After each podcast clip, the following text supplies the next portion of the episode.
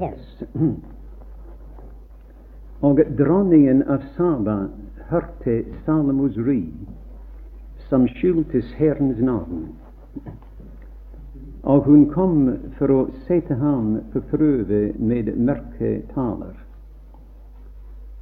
Og hun kom til Jerusalem med en såre stor skare, med kameler som bar krydderier og såre meget guld og kostbare stener. Og hun kom til Salomo og talte til ham om alt hva der var i hennes hjerte. Og Salomo uttydet for henne alle hennes ord. Der var ikke et ord skjult for kongen som han ikke uttydet for henne. Da dronningen av Saba så all Salomos visdom og det hus han hadde bygget, og maten på hans bord, og hvorledes hans tjenere satt, og hvorledes hans vartere stod om deres kleder, og hans munnskjenke, og hans oppgang av hvilken han gikk opp til Herrens hus, var, hun ganske ute av seg selv. Og hun sa til kongen, sant, sannhet var det ord jeg hørte i mitt land om dine ting og om din visdom. Jeg trodde ikke det ord før jeg kom og mine øyne så det. Og se, ikke halvdelen er blevet meg fortalt. Du overgår i visdom og lykke det rykte jeg har hørt. Salige er dine menn, salige er disse dine tjenere, som alltid står for ditt åsyn, som hører din visdom. Lovet være Herren din Gud, som hadde velbehag i deg, så han satte deg på Israels trone. Fordi Herren elsker Israel evinnelig, satte han deg til konge for å øve rett og rettferdighet. Nå, Denne reise her, altså i eh, dronning av Sabes reise til eh, Salomo, har en åndelig betydning, like som nesten alle andre reiser som vi leser om i Guds ord. Vi er alle sammen vant til å høre og å lese og tenke og glede oss også over f.eks. Abrahams reise. Er mange reiser som han foretok. Han var den første pilegrim vi leser om i Bibelen. Og han reiste fra sted til sted. Og det vi lærer gjennom Abrahams mange reiser, er troens erfaringer og troens seire, og også troens feil og nederlag. Stefanus forteller oss i Apostelens gjerninger at uh, herlighetens Gud kalte Abraham ut fra sitt land og fra sitt folk og sin faders hus, og bad ham altså gå til det land som han skulle vise ham. Og den aller første feil vi leser i forbindelse med Abraham, var at skjønt herlighetens Gud hadde kalt Abraham til å gå fra sin faders hus og sitt land og folk, da leser vi at, at Tara, gamle Tara altså, altså med andre ord det gamle mennesket, han tok Abraham og det andre, og han ledet, og han begynte å gå på veien til det gode land. Men gamle Tara, mine venner, kunne ikke være pilegrim. Og Gud hadde aldri kalt ham til å være pilegrim. Det gamle mennesket kan ikke være en pilegrim.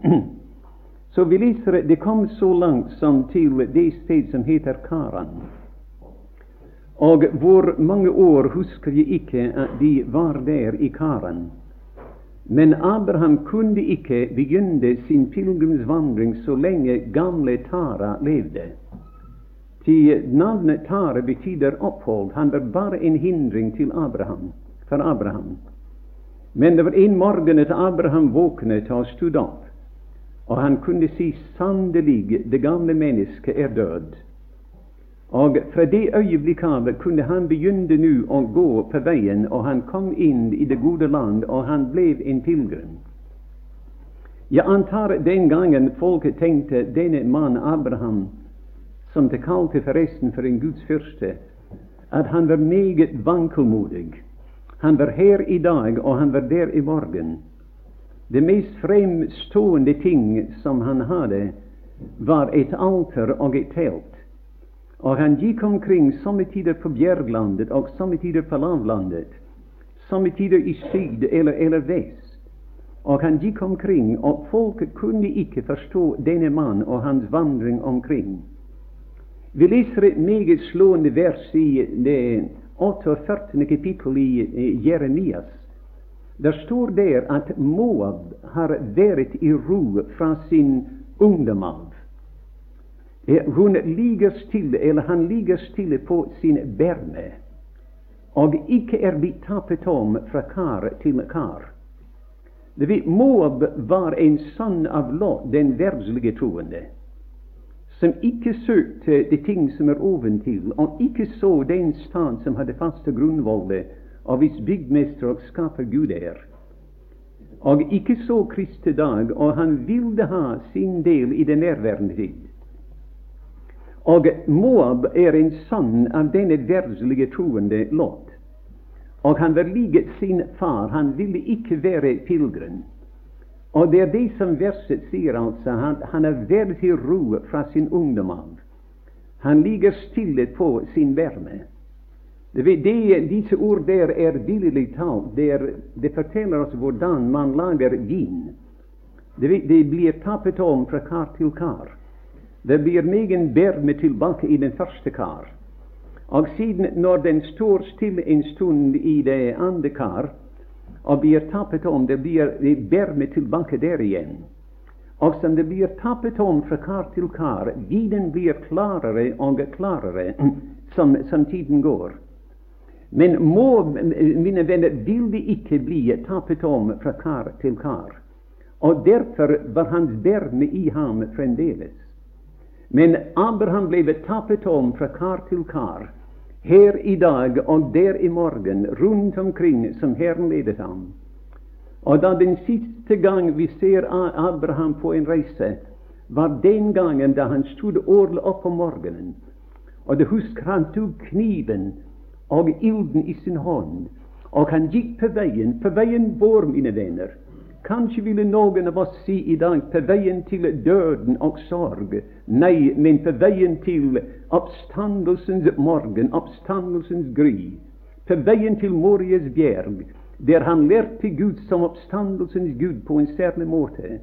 Og da han kom der, altså Vinen ble klarere og klarere som dagene gikk og årene gikk. Men han, da han kom til Morias bjerg, og da han løftet sin hånd og ofret der sin nådegave, om jeg kan så uttale meg, la sin nådegave på alteret og ofre det til Herren. Da sa Herren Abraham, du er så klar nå, så klar som vin. Det fins ikke berme lenger i deg. Og han sa, nå kan du hvile. Og han, Abraham trakk seg tilbake, og Isak inntok hans plass. Altså, det er noen av disse lekser, disse sannheter vi lærer i forbindelse med Abrahams mange vandringer. Og det kan, kanskje er ingen så meget omtalt, f.eks. i, eh, i eh, Hebreerne 11. Det er ingen så, mange, så meget omtalt som Abraham er. Og i Første Mosebok også, han er den fremragende skikkelse der. Det eneste mann i Bibelen som heter Guds venn. Og det var fordi, mine venner, han forlot alt sammen, og han fulgte etter Herren. Først sa Herren, jeg skal eh, eh, lede deg til et land som jeg skal vise deg. Og siden han kom der, sa han, nå skal jeg gi deg landet. Og Abraham vandret omkring der. Det ville være nesten, det er nesten fristende for meg å fortsette å si en del ord om Abraham, men jeg vil ikke. Men det, mine venner, er noe av det vi lærer fra Abrahams mange vandringer. Den første filgren i Bibelen. Det er troens seire, troens erfaringer, og somme tider, som sagt, troens feil og nederlag. Men alltid fulgte han etter Herren. inntil han gikk der for veien til oppstandelsens morgen. Og der strålte han, og han fikk slike løfter som ikke noe menneske før eller senere har fått. Nu, vi, vi taler meget også, også, også, om Israels mange vandringer fra Egypten til Kanan. Det var 40 år som de vandret omkring i ørkenen der. Jeg tror vi nevnte forleden aften at det begynte, deres vandringer begynte med en sang. En deilig sang. Du husker det var ikke sanger i Egyptens land. Det var gråt der og tårer der og skrik der til himmelen. Og det aller verste for dem, det aller verste var da de var på veien ut Egyptens land. Da de stod bak den budbestengte dør, de kunne si til hverandre den, den dagen eller den natten at vi vet at alt sammen ordnet den veien. Vi har fred med Gud. Alt sammen ordnet den veien. Men der ute, den veien, er det ikke ordnet. Vi kan høre egypterne, vi kan høre deres røst og deres stemme. Og så at vi er ikke fri dem enda. Og begynte, de begynte på veien der ute ved Egyptens land, marsjerte der. Men da, mine venner, da begynte de å, å lytte. Og da begynte de å spørre tilhører vi virkelig Gud, eller tilhører vi farao. Der kommer farao etter oss med alle sine vogner og hester og ryttere. Tilhører vi Gud, eller tilhører vi farao? Og de marsjerte frem, mine venner, og de ble hemmet inn der med døden. Havet lå foran, eh, foran dem, og bjerg, uoverstigelige bjerger på alle sider av dem og, og faro, eller Satan, bak dem, og det stod der. Men da ble de gjenfødt til et levende håp ved oppstandelsen fra de døde.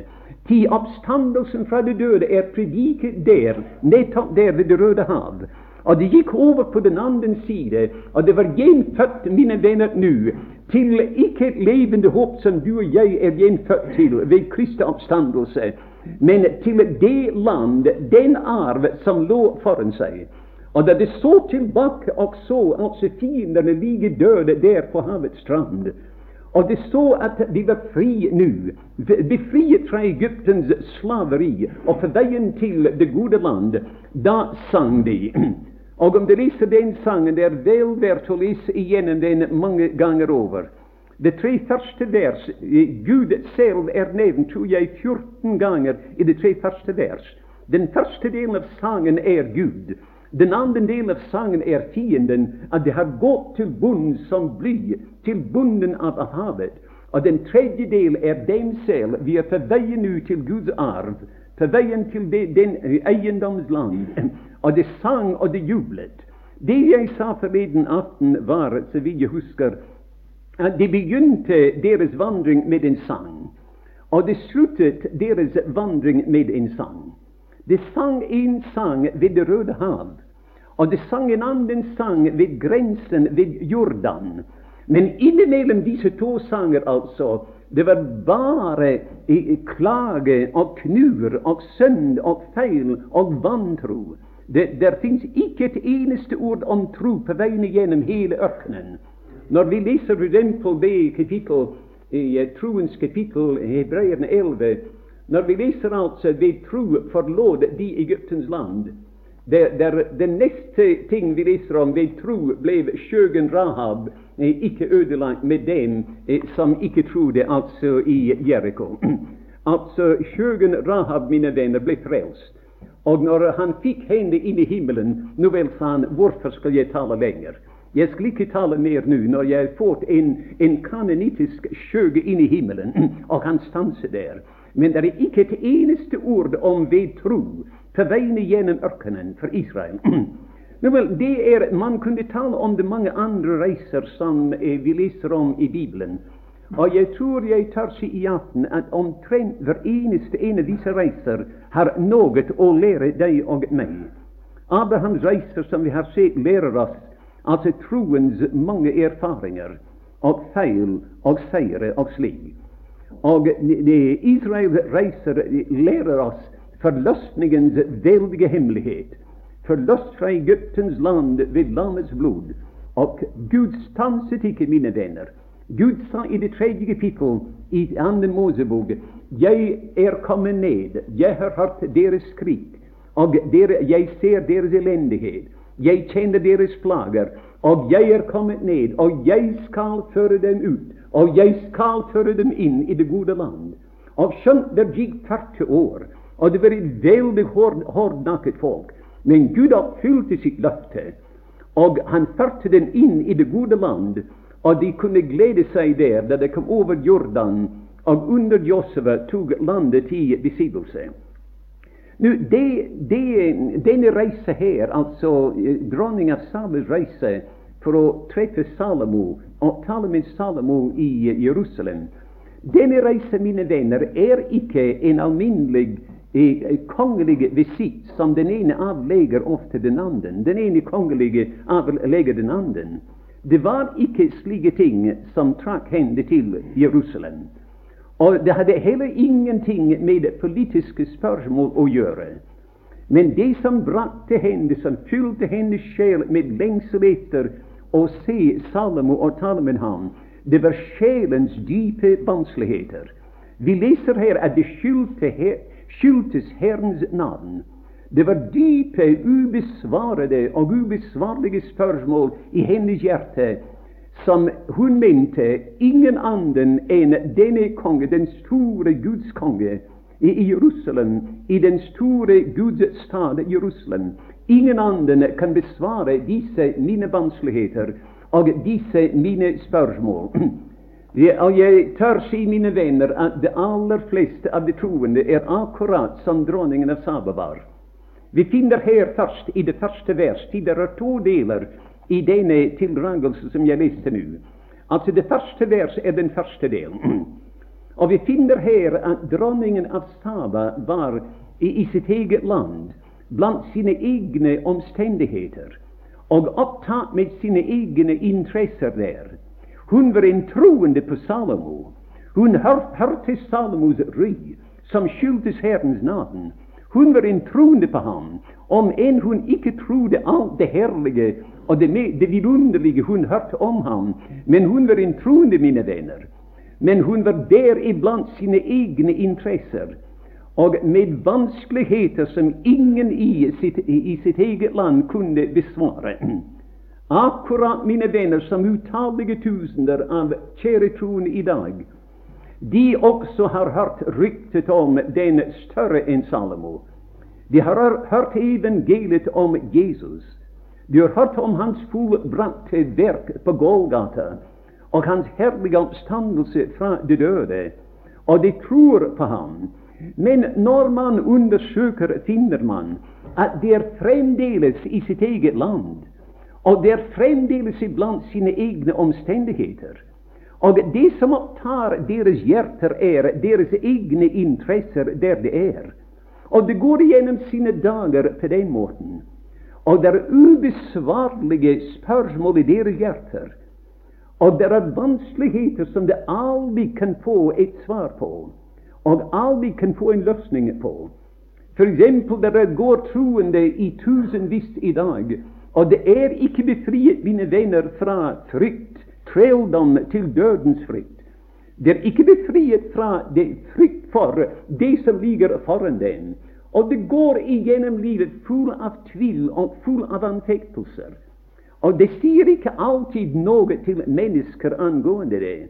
Men det lever et, et liv Det vet ingenting til hva det fullkommen glede er, som vi talte om i går. Det vet ingenting, mine venner, om hva det er å gå jublende og gledende seg og løpende frem altså imot det målet der og så, så behersket av det at endog ønsker somme tider gidde jeg var der iblant denne skare som står rundt om Guds og glammets trone. Det vet ingenting om det. Og grunnen er at deres hjerter, deres sjeler, er full av ubesvarede spørsmål og, og vanskeligheter som vi ikke kan få en løsning på. Nå, Jeg skulle meget gjerne hver eneste troende her i dag til jeg antar at vi kanskje alle sammen kjenner en del til det. Og det jeg ønsker for oss alle sammen her i dag, er at hver eneste en av oss var full av den brennende lengsel etter å se den levende, herliggjorte, oppstanden Herre Jesus, som hun var til å se den herlige konge i Jerusalem. Hun sa da hun var i sitt eget land, at 'jeg skal til Jerusalem for å se Salomo'. Det kunne hende at hennes rådgivere og hennes store hoffmenn og andre ville kanskje protestere. Og de ville kanskje spørre vil du virkelig reise den lange reise til Jerusalem for å høre og se en mann som du bare har hørt om? Hennes svar ville antagelig være at Salomo må jeg treffe, til Jerusalem skal jeg gå. Jeg skal treffe Guds store konge der i Jerusalem. Hvem andre kan besvare mine spørsmål, de spørsmål som plager meg dag etter dag? Så jeg får ikke ro verken dag eller natt for dem. Og til Jerusalem skal jeg gå. Og bare sammenligne, mine venner, det første vers her og det følgende vers som er i kapitlet. Jeg håper, som jeg allerede har sagt, at alle sammen av oss som er her i dag, om ikke før altså, skal si at jeg vet jeg er troen, altså. Jeg vet jeg tror på Kristus. Jeg har hørt ryktet om ham. Jeg har hørt evangeliet om Jesus. Og jeg skal gå, jeg skal ikke hvile meg før jeg kjenner ham der han er. Ikke bare hans verk.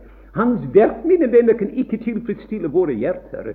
Altså, Kristus i sin fornedrelse vant våre hjerter, og vi måtte gråte da vi var sanderknust og i sin fornedrelse og lidelser vant han våre hjerter. Men det er Kristus i herlighet som tilfredsstiller våre hjerter. Et vondt hjerte er ikke et tilfredsstilt hjerte.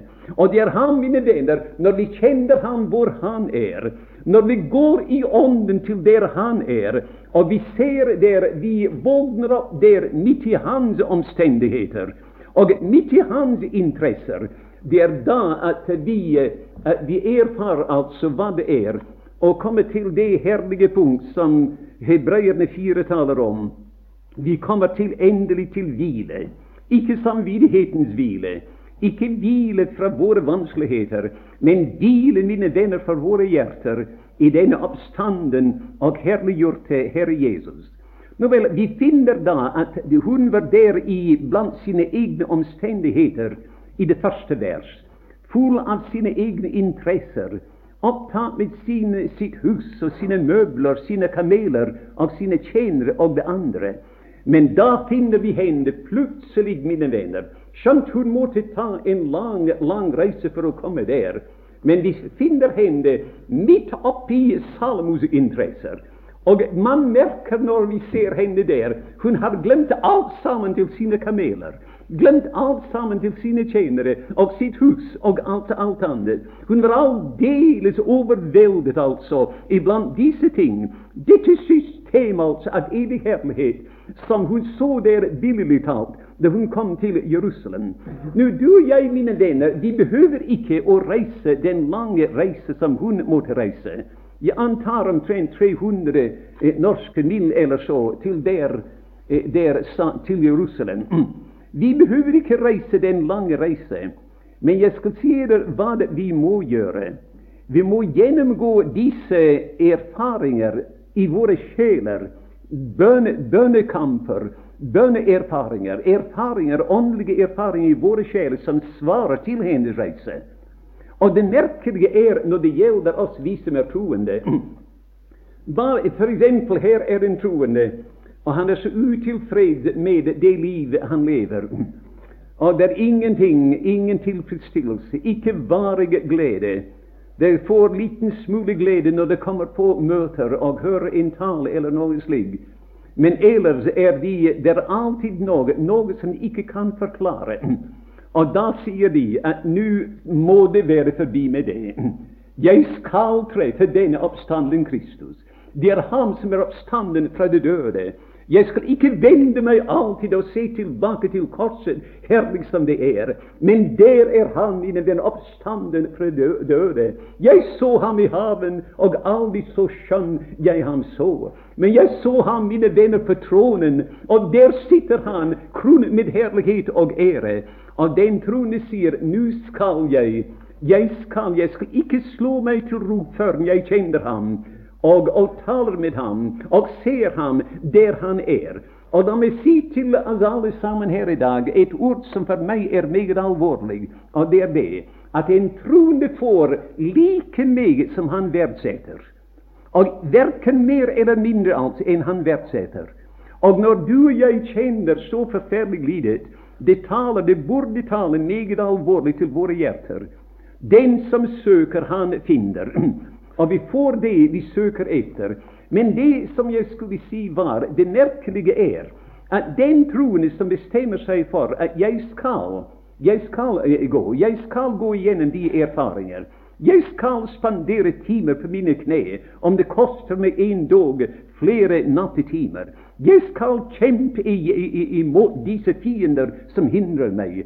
Og vi kjemper, mine venner, og vi beder, og vi leser, og vi gransker og ransaker oss selv. Og da plutselig ser vi ham som mannen i det syvende kapittelet i Romerbrevet han, det ble elendigere og elendigere for ham. Og endelig ropte han ut av et, et, en elendig sjel. Elendige menneske jeg er, hvem skal fri meg fra dette dødens legeme? Og så fort som det, mine venner, ble han befriet.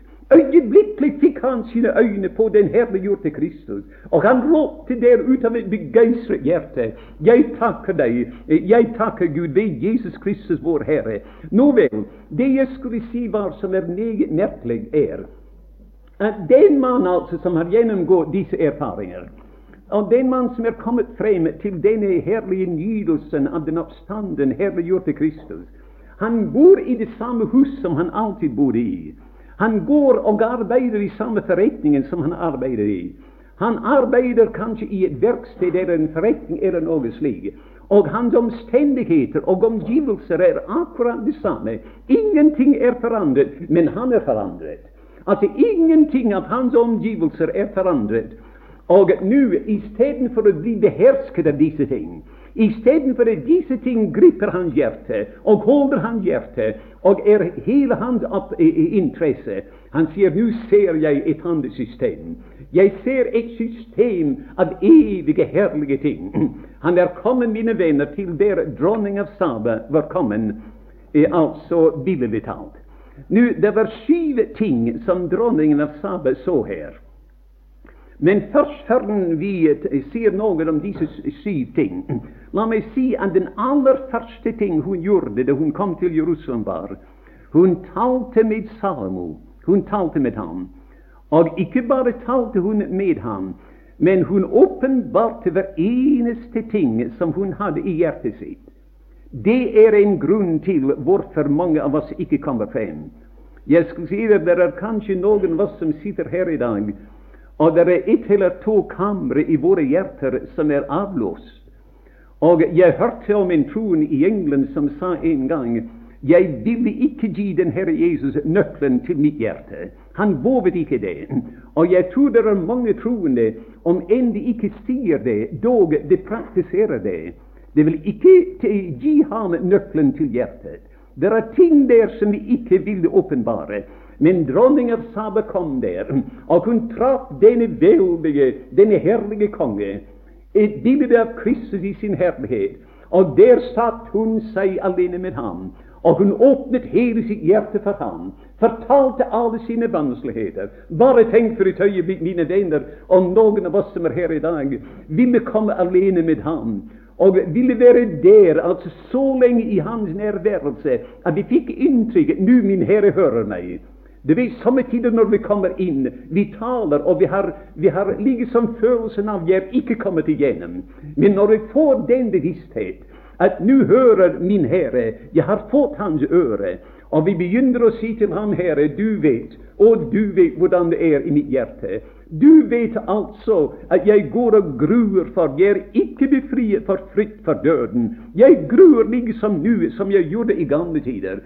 Du vet, Herre Jesus, hvordan det er. Tvilfylder hjertet mitt så forferdelig meget. Og fortell ham alt sammen av det som fyller våre hjerter. Og, og, mine venner, aldri har du talt inn i et mer interessert og lyttende øre enn hans øre er. Om det kommer inn i hans nærværelse, det fryder hans hjerte at du går til ham. Det fryder ham, mine venner, at vi viser ham denne tillit, og vi forteller ham alt. Nå vel, Det var den første ting som dronning Asaba gjorde. Og hun gikk inn til ham og talte hver eneste ting. Og han forklarte alle hennes vanskeligheter og alle, hennes gåter. Da leser vi, og nå begynner disse syv ting der. Den første ting var, som hun sa der, han selv fylte hele hennes blikk. Hun så Salomos visdom, altså Salomo selv i all hans visdom. Og mine venner, når vi treffer den Herre Jesus på den måten, når vi treffer Ham som er Guds visdom, til Han er gjort for oss til visdom og til rettferdighet, helliggjørelse og til forløsning. Kristus er all dette for oss. Bare tenk for et øyeblikk altså at f.eks. Gud, mine venner, var en ukjent Gud for alle sammen av oss. Men hvem var det som tolket Gud? Hvem var det som hadde visdom som kunne åpenbare Gud? Ingen uten den Herre Jesus. Det var et veldig plan i Guds tanker Forløsningens veldige plan, evighetens under, altså. Hvem kunne fullføre den planen? Ingen annen kunne fullføre den unntagen han. Deres egen person, mine venner, hengende der på korset. Der ble dette ord oppfylt. Nåde og sannhet møter hverandre. Rettferd og fred kysser hverandre.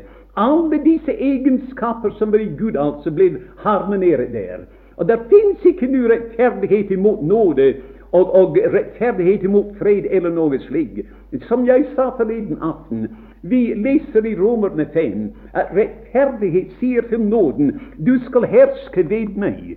Og rettferdighet tar nåde og setter nåden på tronen. Nåden er en konge, mine venner, en herskende. Nåden hersker ved rettferdighet til et evig liv ved Jesus Kristus, vår Herre.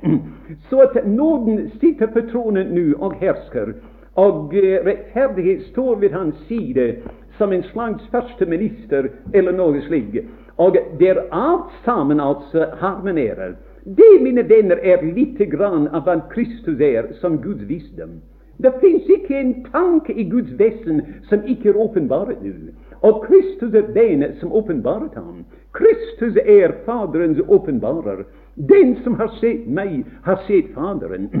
Nå vel, Det var den første ting hun så, og jeg er sikker på at det overveldet hennes hjerte da hun stod i nærvær den dagen av Salomo som Guds visdom, altså billig betalt.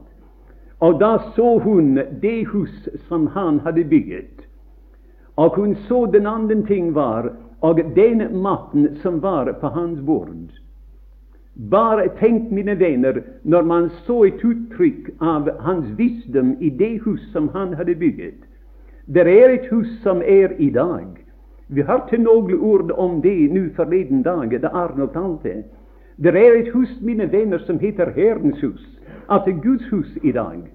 Og om du leser igjennom f.eks. Jeg elsker å tenke over første, det første kapittel i Johannes evangelium som begynnelsen til det material som Gud samler, altså Gud samlede material, og førte det til Jesus. Og han satte materialet sammen, og han bygget huset. Den første som kom til ham der, var, der var eh, Johannes og Andreas. Og kjære Andreas og Johannes, begge to løp så fort som de bare kunne for å være, eh, få hver sin bror. Men Andreas han var hurtigere og fikk først tak i Peter og førte Peter til Jesus. Nå hadde han tre, altså det, det var tre steiner som skulle føres inn i den bygning. Og da fant han Philip og kalte Philip. Og da var Philip ivrig og gikk altfor langt og talte det som ikke var sant, forresten, da han hentet Nathaniel og sa til Nathaniel 'Kom og se'. Du vet, Philip, mine venner, var en ganske, ganske ung troende. Og som tider sier unge troende ting som ikke er ganske riktig. Og han talte det som hans vitnesbyrd var ikke så klar. Men allikevel, mine venner, han fikk Nathaniel til Jesus. Og Nathaniel falt ned for ham der og sa, du er Israels konge, du er Guds sønn, Israels konge. Og det åpner opp, mine venner, gjennom Johannes evangelium. Stener er samlet, materialet er samlet. Og da på pinsedagen begynte bygningen. Og å, hvilken bygning, mine venner! Det vokser høyere og høyere. Om en liten stund blir, blir toppsteinen lagt til bygningen med det høye rop av herlighet og ære til det. Herlighet og ære til det. Den, den bygning, mine venner, det er den største forrett som kan times et menneske å tilhøre den bygning. Altså en bygning her i denne verden det vil, Gud har alltid hatt en bygning i verden. Først var det naturligvis det var patriarkerne. Men da hadde han et, eh, en bygning, et tempel i, eh, i Jerusalem, et tabernakel og et tempel. Og nå har han en menighet. Den gangen da Gud hadde et tempel, djevelen hadde Babelen. Nå at Gud har en menighet, da har djevelen også en Babelen som blir bygget ved siden av menigheten. Og der kommer en dag når det skal deles. Og vi skal lese altså om menighetens herlighet i Jerusalem, Guds stad. Og siden skal vi lese om Babelen, den store erfalden, har fått sin dom. Det var den første ting da som dronningen så. Hun så altså, etter hun så Salomos visdom, hun så det hus som han hadde bygget. Og siden én ting er, eksisterer ikke i Guds hus, og det eksisterte heller ikke i Salomos hus, og det er rasjonering. Vi var plaget, meget plaget av det under krigen, men det var ingen rasjonering der. Og de, hun så maten på hans bord. Mine venner, der, der er mange magre, tynne, underernærede troende i dag. Og det er ikke Guds skyld at de er underernæret. Det er nok av mat, herlige ting, deilige reter, himmelske reter på hans bord i dag. Det er melk om du er ganske ung troende og ikke tåler fast føde. Det er melk nok der for deg. Det er mana som du kan samle hver eneste dag, som ligger rundt omkring deg. Kristus altså, i våre omstendigheter, som mannen betyr. Og siden er det sterk føde for dem som, som tåler det. Det er mat, mine venner, og det er, er himmelens vin. Og det er gleder uten tale. Det ting som øyet ikke så, og som øret ikke hørte, og som aldri oppkom i noe menneskehjerte, er på det bordet. Bordet det er dekket med disse herlige ting. En forsmak av himmelen på veien til himmelen som speiderne altså brakte en forsmak til Israel inn i landet, inn i ørkenen. Og skjønn, det var ikke meget for så mange folk, men det fikk såpass meget inntrykk. Det sa det land må være et veldig, et herlig land, som kan prestere slike frukter som det. Å, Gud hjelpe oss, mine venner. Vi lever, mine venner, vi lever ikke et kristenliv som vi burde leve. Vi burde være i forbindelse med himmelen bestandig. Vi burde få en forsmak av disse herlige ting som dagene går. Så at istedenfor å, å synge om å synge nu til ukjent land jeg går. Vi synger 'Velkjent er det land jeg går til', velbekjent min hyrdes rass. Velkjent er Faderen som elsker meg i dag. Vi burde, mine venner, sette oss til bords der og mette våre sjeler ved de rike retter som er på hans bord. Men ikke bare at hun så det, altså Salmos visdom og huset som han bygget, og maten på hans bord. Men hun så hvorledes hans tjenere satt, og altså hvordan de alle sammen var plassert. Det, det var orden der. Så hvorledes hans tjenere satt. Og det der er ikke bare å sitte omkring hans bord, men det var orden der i den store konges gård, i hus, rundt omkring. Og tjenerne hadde hver sin plass der.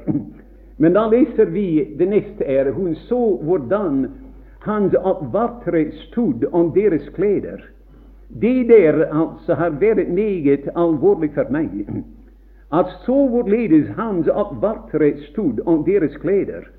Det vil Klærne taler om det som er ydre Klærne er det som man ser. Om f.eks. om en står på en talerstol og taler, og hans klær ikke er i orden, folket ser det, og det, det gjør et inntrykk på dem.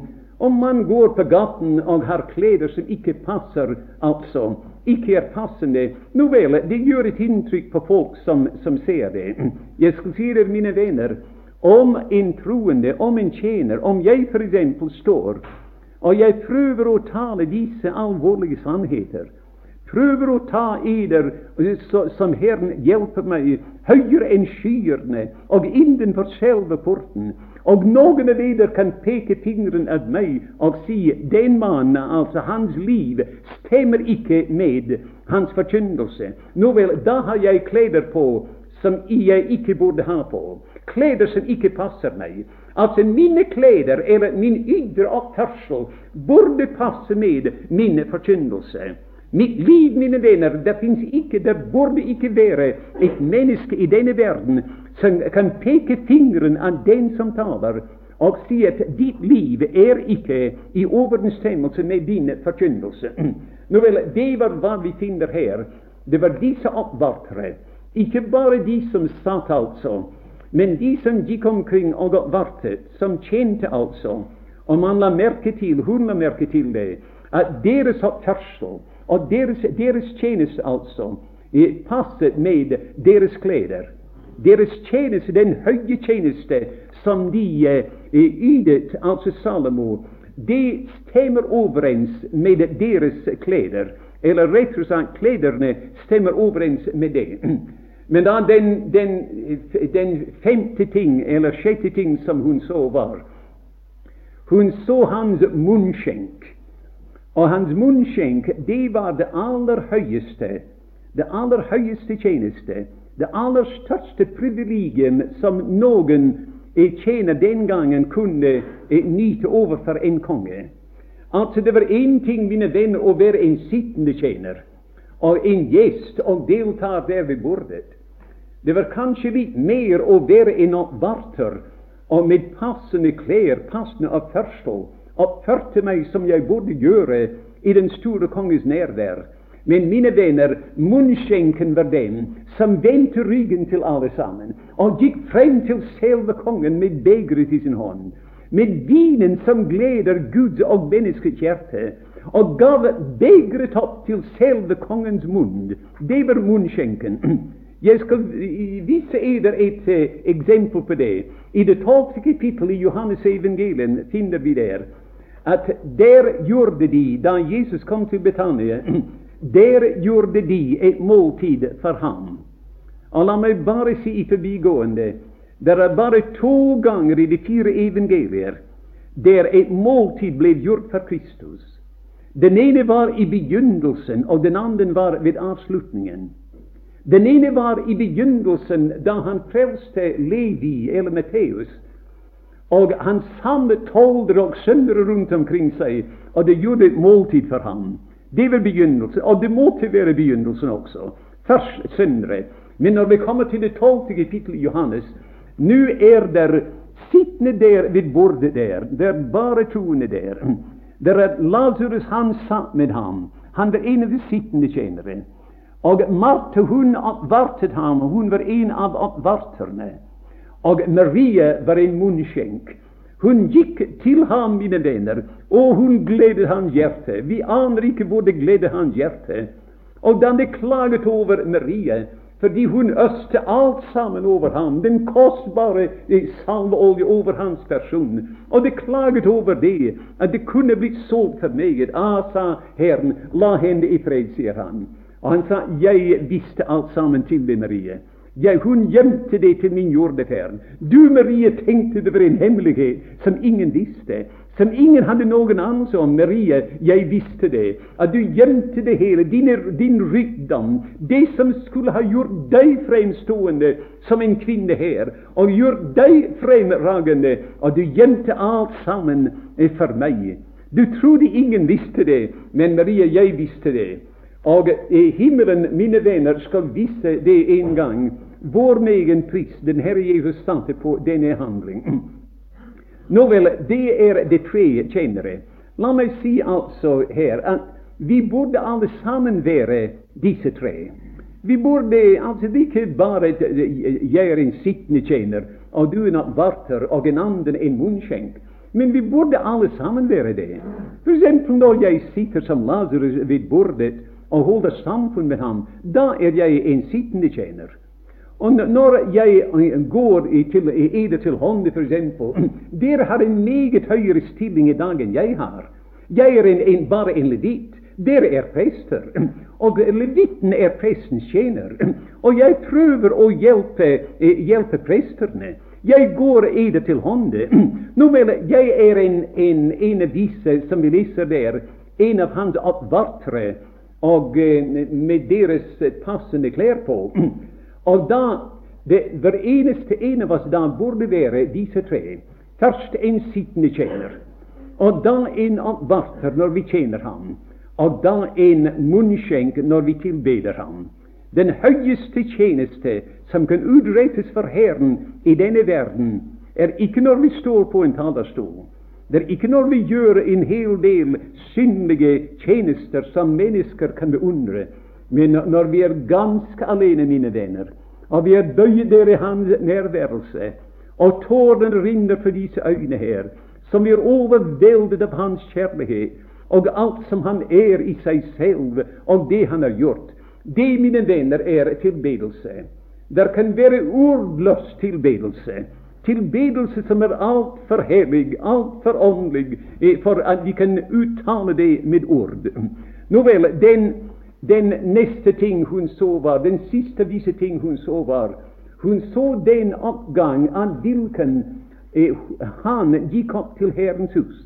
Altså Salomo selv, selve kongen, hadde en oppgang av hvilken han alene gikk opp til Herrens hus.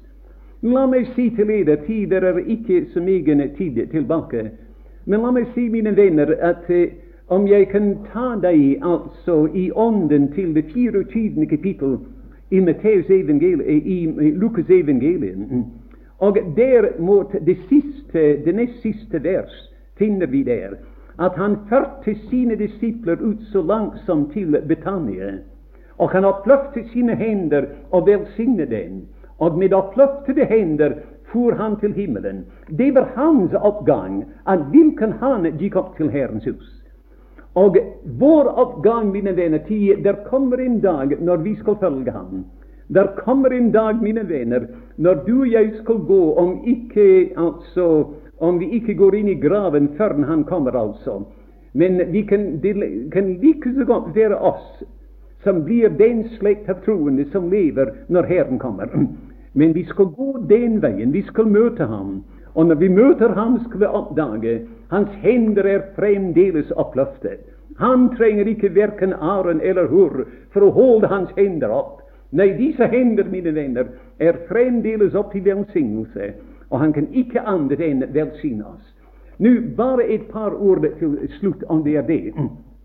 Virkningen som det her hadde på, på dronning av Saba, var da hun så alt dette her hun var så aldeles overveldet at hun var ute av seg selv. Vi leser her. Og når man altså er så overveldet at man er ute av seg selv, det er altså simpelthen en uforklarlig erfaring. Men jeg skal si at vi får det samme ting i Det nye testamentet. I det femte kapittel i andre Korintier vi leser der apostelen hadde talt herlige ting for, for korintierne. Og da sier han i det, tolvte vers, tror jeg der Han sier der til dem at eh, overfor Gud, sier han, er vi ute utenom oss selv. Men for eder er vi ved sans og samling. Altså overfor eder, når vi kommer iblant det hellige, når vi skal tale, eh, og i det hele tatt iblant det hellige, da skal vi oppføre oss ved sans og samling. Vi skal ikke oppføre oss altså på en måte at folk ville si den mann eller den kvinne er gal, eller, eller noe slikt. Iblant eder, sier apostelen, er vi ved sans og samling. Men, sier han, overfor Gud er vi utenom oss selv. Og jeg ville gjerne ha sett apostelen, mine venner, når han var ganske alene med Gud. Der i Guds nærværelse. Og se ham der, mine venner, gråtende og bedende, tiende eller kanskje leende av bare glede. Og kanskje liggende der på sitt ansikt på gulvet, ikke kunne, ikke kunne forklare noen ting. Aldeles utenom seg selv, altså. Men det vil overta Gud. Du kan gjerne være det, min venn, når du er alene med Gud. Når, men når vi kommer iblant det hellige, da skal vi være litt sans og samling. Nå, Hun var så overveldet av det her som hun så, at han, hun var ute om seg selv. Og hun sier her til, eh, til med Salomo at sant var det ryktet som jeg hørte om deg i mitt land. Men jeg trodde det ikke. Altså, det var så vidunderlig og herlig. Mens, sier hun, inntil jeg kom og så det. Og, sier hun, ikke en halvdel er meg fortalt av din storhet og herlighet og alt sammen. altså, Ikke en halvdel er, er meg fortalt. Jeg tenker ofte, mine venner, når jeg leser det Jeg tenker, mine venner, på den dagen. Den dagen, mine venner, den virkelige dag og det virkelige øyeblikk når jeg skal trede inn igjennom himmelens perleporter. Når jeg for første gang ser den skikkelse som nærmer seg meg. Når jeg kaster meg ned ved Hans velsignede fatter og sier, Herre Jesus, nå endelig er jeg kommet, endelig ser jeg deg. Og jeg skal si eder at Inntrykket blir det at ikke en milliondel er blitt oss fortalt. Vi kan lese og tale og predike så mye vi vil, men når alt er sagt og gjort, ikke en, en, en milliondel, mine venner, er blitt fortalt om den herlighet, den nåde, den kjærlighet, den miskunnhet, den visdom som fyller Gud elskede Sønn, og vi skal se ham og se ham som han er. Nå Følgen av det hele var som rimelig er, at det neste ting er hun tilbeder. Og hun sier 'lovet dere Gud'. Lovet dere Herren, altså, Israels Gud. Og hun sender tilbedelse opp til Herren. Og det burde være altså virkningen av når vi har slike herlige, vidunderlige opplevelser. Virkningen burde være at vi sender tilbedelse, pris og lov og takk opp til den velsignede Gud, opphavet til alt sammen. Må Gud da hjelpe oss. Og la meg si i det jeg setter meg, at om det skulle være troende her i dag som ikke har tatt denne reise, eller vi behøver ikke ta reisen, altså, men som ikke har gått igjennom de erfaringer som svarer til reisen, og byttet om, altså Du behøver ikke gå fra huset ditt ikke slutte med ditt arbeid eller din forretning eller noe slikt. Du kan være i samme omstendigheter, altså. Det er akkurat som vi samme tider sier, at eh, man er i Egyptens land i dag, og i morgen kan man være i ørkenen. Og eh, neste dagen kan man være i det gode land og nyte disse herlige ting. Nå vel, om du og jeg, mine venner, bestemmer oss for at jeg skal ikke slå meg til ro. Jeg skal ikke slå meg til ro før jeg har opplevd Hans umiddelbare nærværelse. At jeg kjenner den oppstanden herliggjort til Kristus. Jeg skal si dere, som jeg sa, at den som søker, han finner. Og hver eneste ting som vi setter pris på, da får vi. Hver eneste ting vi verdsetter, giver Herren oss det. Og det taler sitt eget språk for alle sammen av oss. Det viser, mine venner, når jeg eier så forferdelig lidet, hvor lidet da jeg må verdsette disse vidunderlige ting, herlige ting, som Han setter veldig pris på. Gud hjelpe oss til det da, for Kristus skyld.